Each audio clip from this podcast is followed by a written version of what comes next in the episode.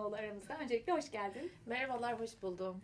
E, Fatma senin e, Kaplumbağaların Ölümü 2017 yılında, Homologlar Evi 2019'da, evet. Ateşten Atlamak 2021'de çıkardın e, öykü kitapları ve son olarak e, herhalde çok yeni. Çok yeni, evet iki hafta oldu daha. e, hayırlı olsun şimdiden. Teşekkürler. Arkadaşlığın Paytak Adımları e, çocuk kitabın evet. çıktı. Hem biraz senden konuşacağız hem de kitaplarından ama özellikle Ateşten Atlamak üzerinden belki konuşabiliriz değil mi? O çok Tabii. daha e, yeni, e, daha taze. Daha taze. hem ondan hem de biraz senden konuşmuş olacağız.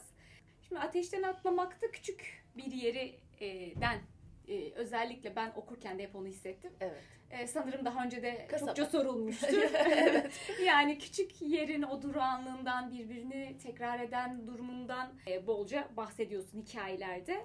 E, ve e, oradan işte küçük yerin imkansızlığı çıkamamak e, gibi de algılanıyor. Yani ben okurken öyle hissettim. Hatta şöyle bir pasaj okuyacağım e, kitaptan.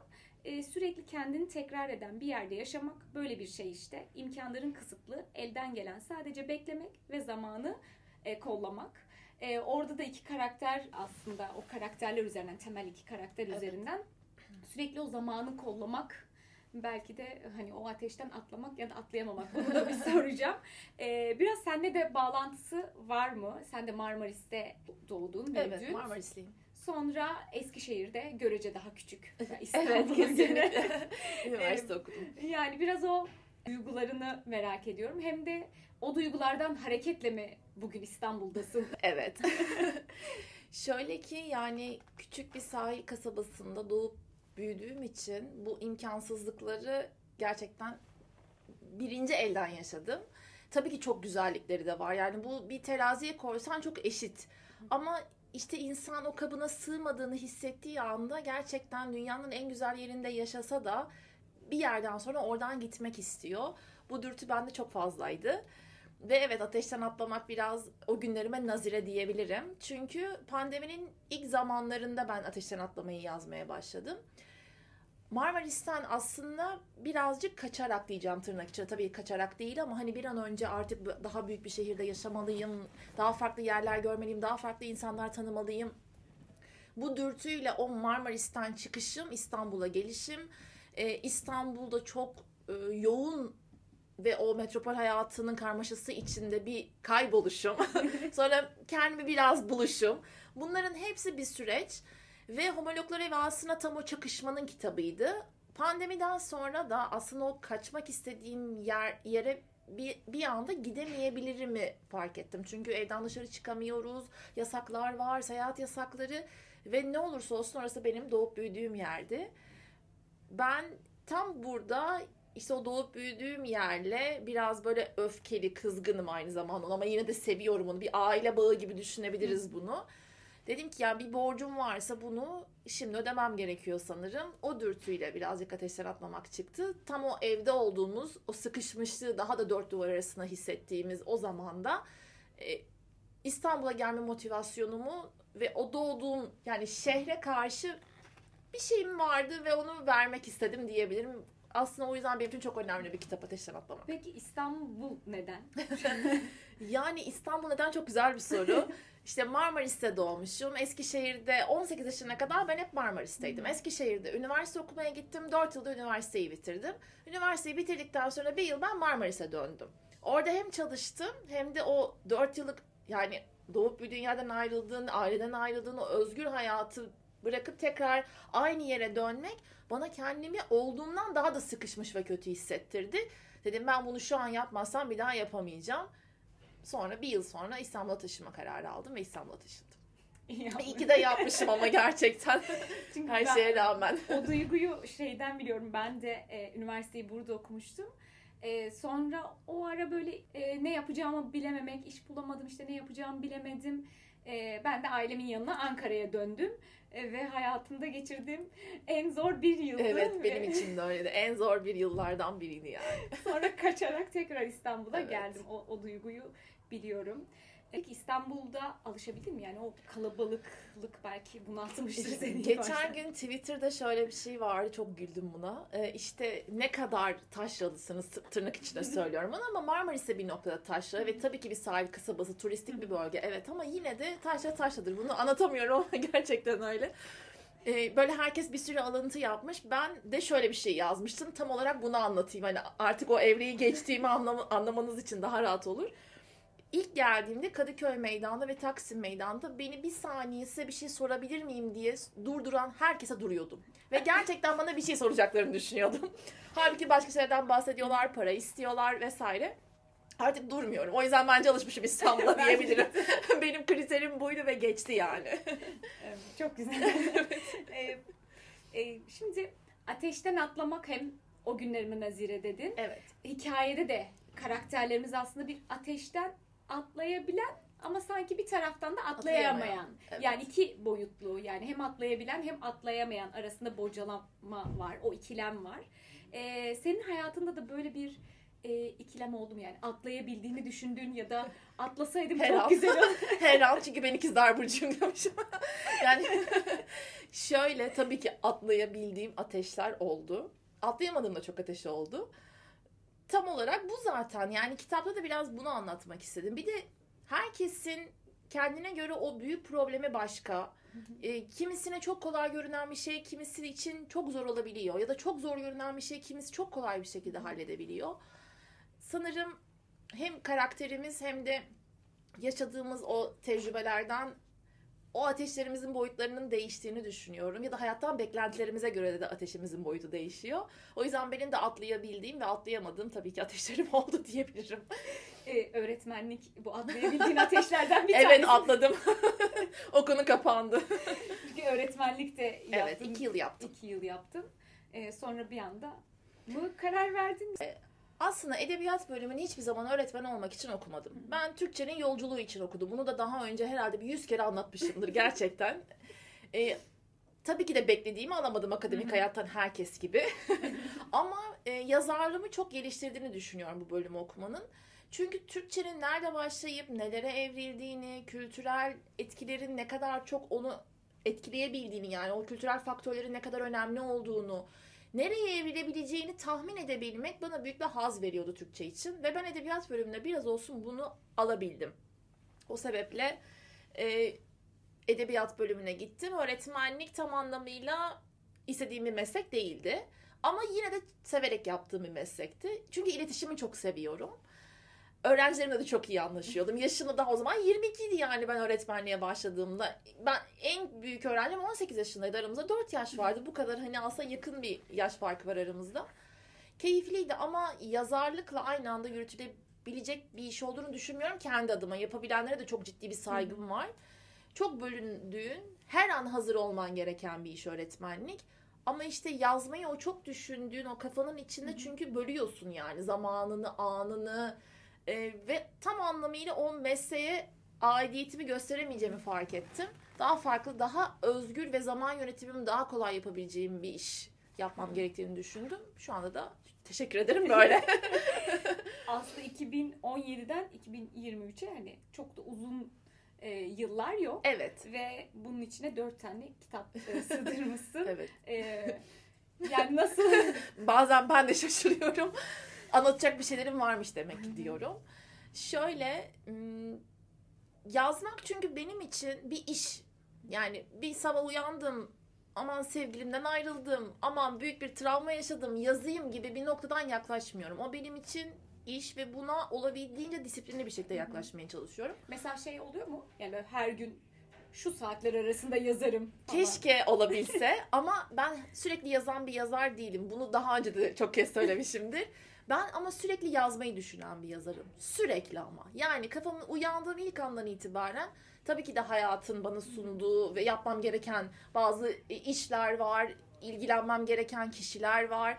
Bunların yanı sıra kafamın içinde sürekli bu konu hakim. Neyse o yazmak istediğim neyse, o proje neyse benim kafamdaki. O yüzden sürekli ben yazmayı düşünüyorum. Genellikle kitabımı yazdığım süreler benim çok kısa sürede yazıyorum. Mesela 2-3 ay gibi bir sürede yazıyorum ama O kitabı bir yıl içine düşüne düşüne küçük notlar ala ala, ala oluşturuyorum. Benim biraz daha farklı bir tekniğim var ama her gün yazan da var. Yazma pratiği çok önemli bir şey. Buna da inanıyorum. Ama biraz böyle şeyim, daha romantiyim o konularda. İlk cümleyi bekliyorum mesela ne zaman gelir. İlk cümle gelirse devamı gelir. İşte şu anda mesela bir artık beşinci kitabım deyince şaşırıyorum ama gerçekten beşinci kitabım üzerine çalıştığım bir süreç içindeyim. Biraz zormuş. Yani burada zorlandım. En çok tıkandığım kitabım olabilir. Ama bakalım ne olacak. Hmm. Bekliyorum. Şey yapmakta şey gibi hissettim ben e, duygu olarak. Sanki bunun devamı gelecekmiş gibi. Yani öyle bir bıraktık ama bunun arka planı da var. Başka e, biçimleri de var. Yani karakterlerimizin de var işte Abeven Evet. e, var. Hani burada bir devamı gelecekmiş gibi hissettim ama yok değil mi? Yok devamı yok. Ee, şu an için yok. Bilmiyorum sonrasında ne olur. Öyle bir ihtiyaç da hani benim tarafımda yok. Tabii ki okuyucu tarafında böyle bir şeyin olması da benim için çok güzel bir şey. Çünkü hayatın akışındaki gibi bıraktım aslında karakterleri. Ama ben ne yaptı bilmiyoruz. Yani belki de biliyoruz. Gitti mi? Okulunu bitirebildi mi? Babasıyla gerçekten yüzleşebildi mi? İşte Linda onun hayatını gerçekten değiştirdi mi değiştirmedi mi? Bunların hepsi aslında büyük bir muğlak. Ama böyle kalması benim için çok iyi. Çünkü hayat da böyle. Her şeyi her zaman bilemeyiz. Her şeyin bir sonucu olmak zorunda da değil. O yüzden ben bunu biraz metinlerimle göstermekten hoşlanıyorum. Ateşten atlamak üzerinden soracağım Tamam, ama tabii. e, mesela kadın anneler var Evet. ama babalar neredeyse yok. Yok. Yani var ama yok. Evet. Var Evet. ama yok diye bir gerçeğimiz var kitabın içinde bu doğru. E, aslında birazcık e, Hele ilk öyküde hiç yok. evet. Ee, orada erkek bir figür bile yok. Hı hı. Tamamen kadın hikayesi üzerine kurulu. Bu bilinçli bir tercih tabii ki.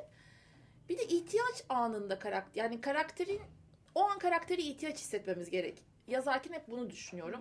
Ve orada bence en son isteyeceğim şey bir babaydı. Çok özür dilerim bunu dediğim için.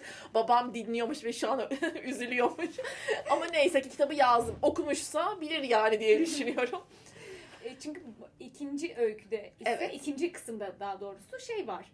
Baba var ama hani ilkinde yok. Hiçbir Evet. erkek figürü yok ama ikincisinde baba O var. var. Ama bir çatışma üzerinden var. Yani onun yokluğunun kavgası aslında veriliyor. Evet yani var ama orada olmayan bir baba. Yani Hı hı. bedenen orada olsa da tam anlamıyla ya ebeveyn olmaması gereken bir baba ama olmuş bir baba. Yani Türkiye'nin neredeyse yüzde yetmişi diyebilir miyiz? Diyebiliriz. Evet, evet. Hepimizin böyle bir travması var. Yüzde yetmiş iyimser bile olmuş olabilir bu arada.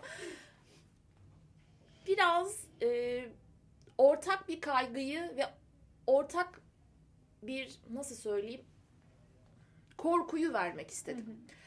Ve Abavan gibi bir erkek karakter üzerinden vermemin sebebi de bunun sadece kadın ka- yani karakterler üzerinde yaşandığını değil. Hayır Abavan gibi erkek karakterler de bu tarz babalarla problem yaşayabilir.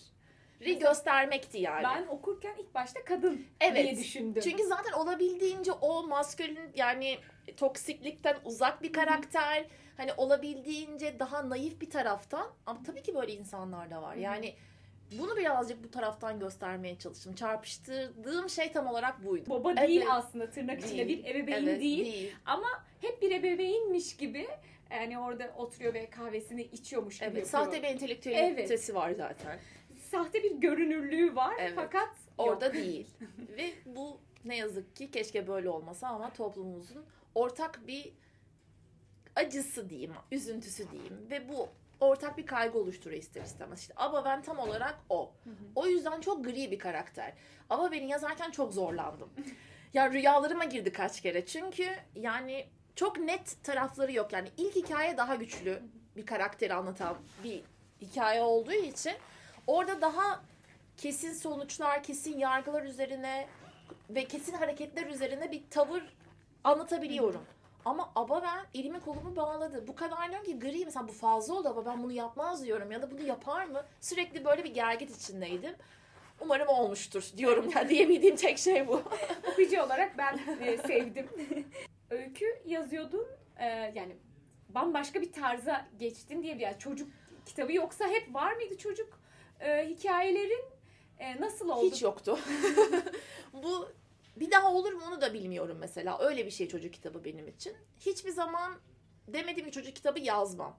Çocuklara bir şeyler bırakabilmek ve çocuklar iletişime geçmenin çok önemli olduğunu düşünüyorum. Daha önceden sosyal sorumluluk projeleri yapıyordum çocuklar için. Yine zaten aslında bir sosyal sorumluluk projesinin başlangıcıydı bu kitap. Yurt dışına gitti. Yani Japonya'ya gitti. Çok enteresan bir hikayesi var aslında bu kitabın. Japonca'ya çevrildi. Oradaki dezavantajlı diyeceğim tırnak içinde ne diyeceğimi tam olarak bilemediğim için hani literatüre hakim değilim doğru bir ifade olmadığını bilmekle birlikte o gruptan dezavantajlı olan çocuklara ücretsiz olarak dağıtıldı ama kitabın Türkçe baskısı yoktu. Sonra ben bunu paylaştıktan sonra Kalem Ajans benim iletişime geçti ve bu 2020 yılında olmuştu aslında. Yani hmm. 2019'dan beri var olan bir öykü bu. Ama yeni yayınlandı. Yeni yayınlandı çünkü araya pandemi girdi. E, okullar kapandı. E, araya benim ateşten atlamak girdi. Ben çok üstüne düşmedim derken 2023'e kaldı.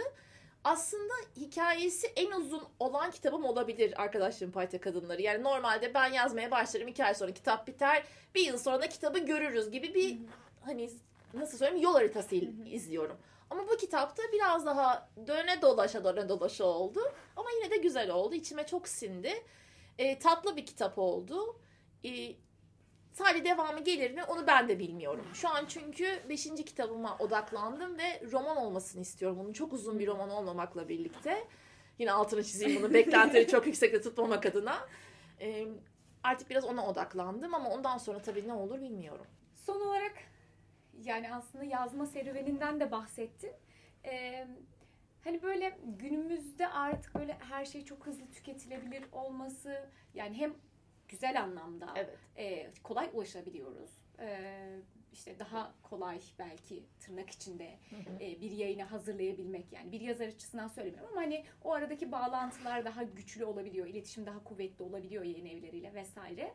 Yoksa elbette ki sancılı e, ve ki. uzun. E, ama hani bir taraftan da böyle şey çok hızlı akıp gidiyor yani zaman. Evet. E, yani işte kitabını aldık okuyoruz belki onu bir hafta konuşuyoruz. E, bu sadece senin için değil genel olarak da böyle hani e, hem o kalıcılığı yakalayabilmesi zor bir dönem. Çünkü her evet. sürekli bir yeni bir yeni çok bir şey üretim var. var. Evet, çok güzel bir şey aynı zamanda. Evet. Tabii ki avantajı, dezavantajı var her şey gibi ama kötü de çok da kötü bir taraftan bakmıyorum evet. bu duruma. Yani şey güzel tabii evet. ki. Yani daha çok yazılıyor olması, paylaşılıyor olması, daha çok imkanların olması açısından güzel. Ben sadece şey kötü tarafı değil ama şöyle bir handikapı var mı hani? Ee, artık hani bir şeyin kalıcılığı tırnak içine daha mı zor?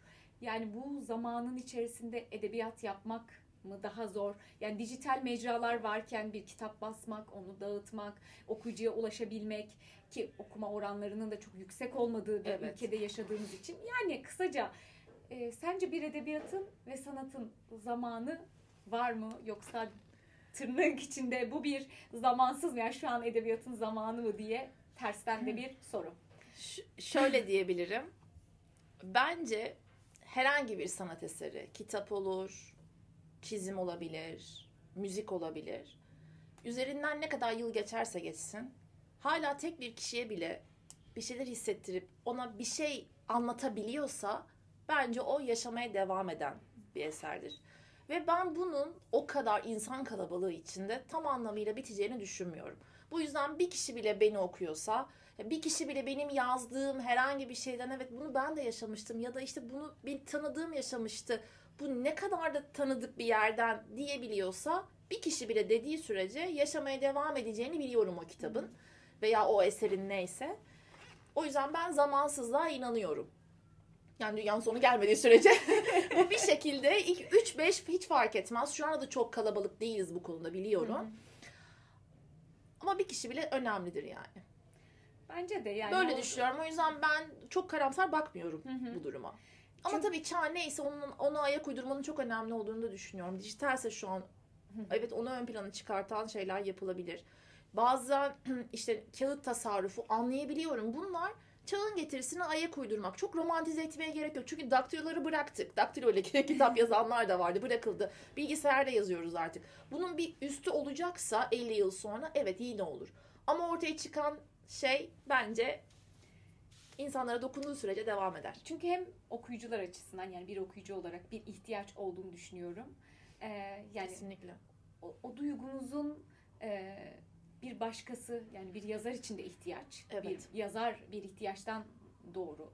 E, muhtemelen sen de öyle bir itkiyle şey yapıyorsun, yazmak istiyorsun. Evet. O paylaşmak duygunu. Anlaşılmak Evet. kaygısı tabii ki. Okuyucu da bir, bir taraftan yaşadığı duyguları tanımlamak, bir başkası tarafından yaşanmış şekliyle okumak da istiyor. Yani çoğaltmak da istiyor kendisini. O yüzden bence de e, fikrimi söylemiş olayım. Yani zamansız. Diyorum. Bir de bence son yazdığın kitapta ne kadar bağın varsa yeniye o kadar geçemiyorsun. Hmm. O yüzden ben biraz olabildiğince dedim tamam seninle güzel bir aşk yaşadık ama ayrılmamızın zamanı geldi gibi O yaklaşıyorum. yüzden mi şey dedin? Yani ben orada bıraktım onları. Evet beni bıraktım, bitti artık. On, onlar için anlatacağım şeyler benim için bitti. Hı hı. Bilmiyorum bundan 20 yıl sonra ben de işte ne bileyim başka yazarların hani bir kitaplarındaki bir karakteri çıkartıp bir şeyler yapıyorlar. Öyle bir şey yapılır mı? Şu an bir şey söylemek çok zor. Ama evet orada bırakmamın sebebi o. O zaman e, yeni kitabını da merakla bekliyoruz. E, yani ben severek okudum. E, çocuk kitabını okuyamadım naçizane. E, şey Daha yeni olmadı. zaten. Evet vakit olmadı yani edinemedim ama onu da okuyacağım. E, tekrar teşekkür ederiz. Ben teşekkür ederim. Görüşmek üzere bir sonraki programda. Hoşçakalın.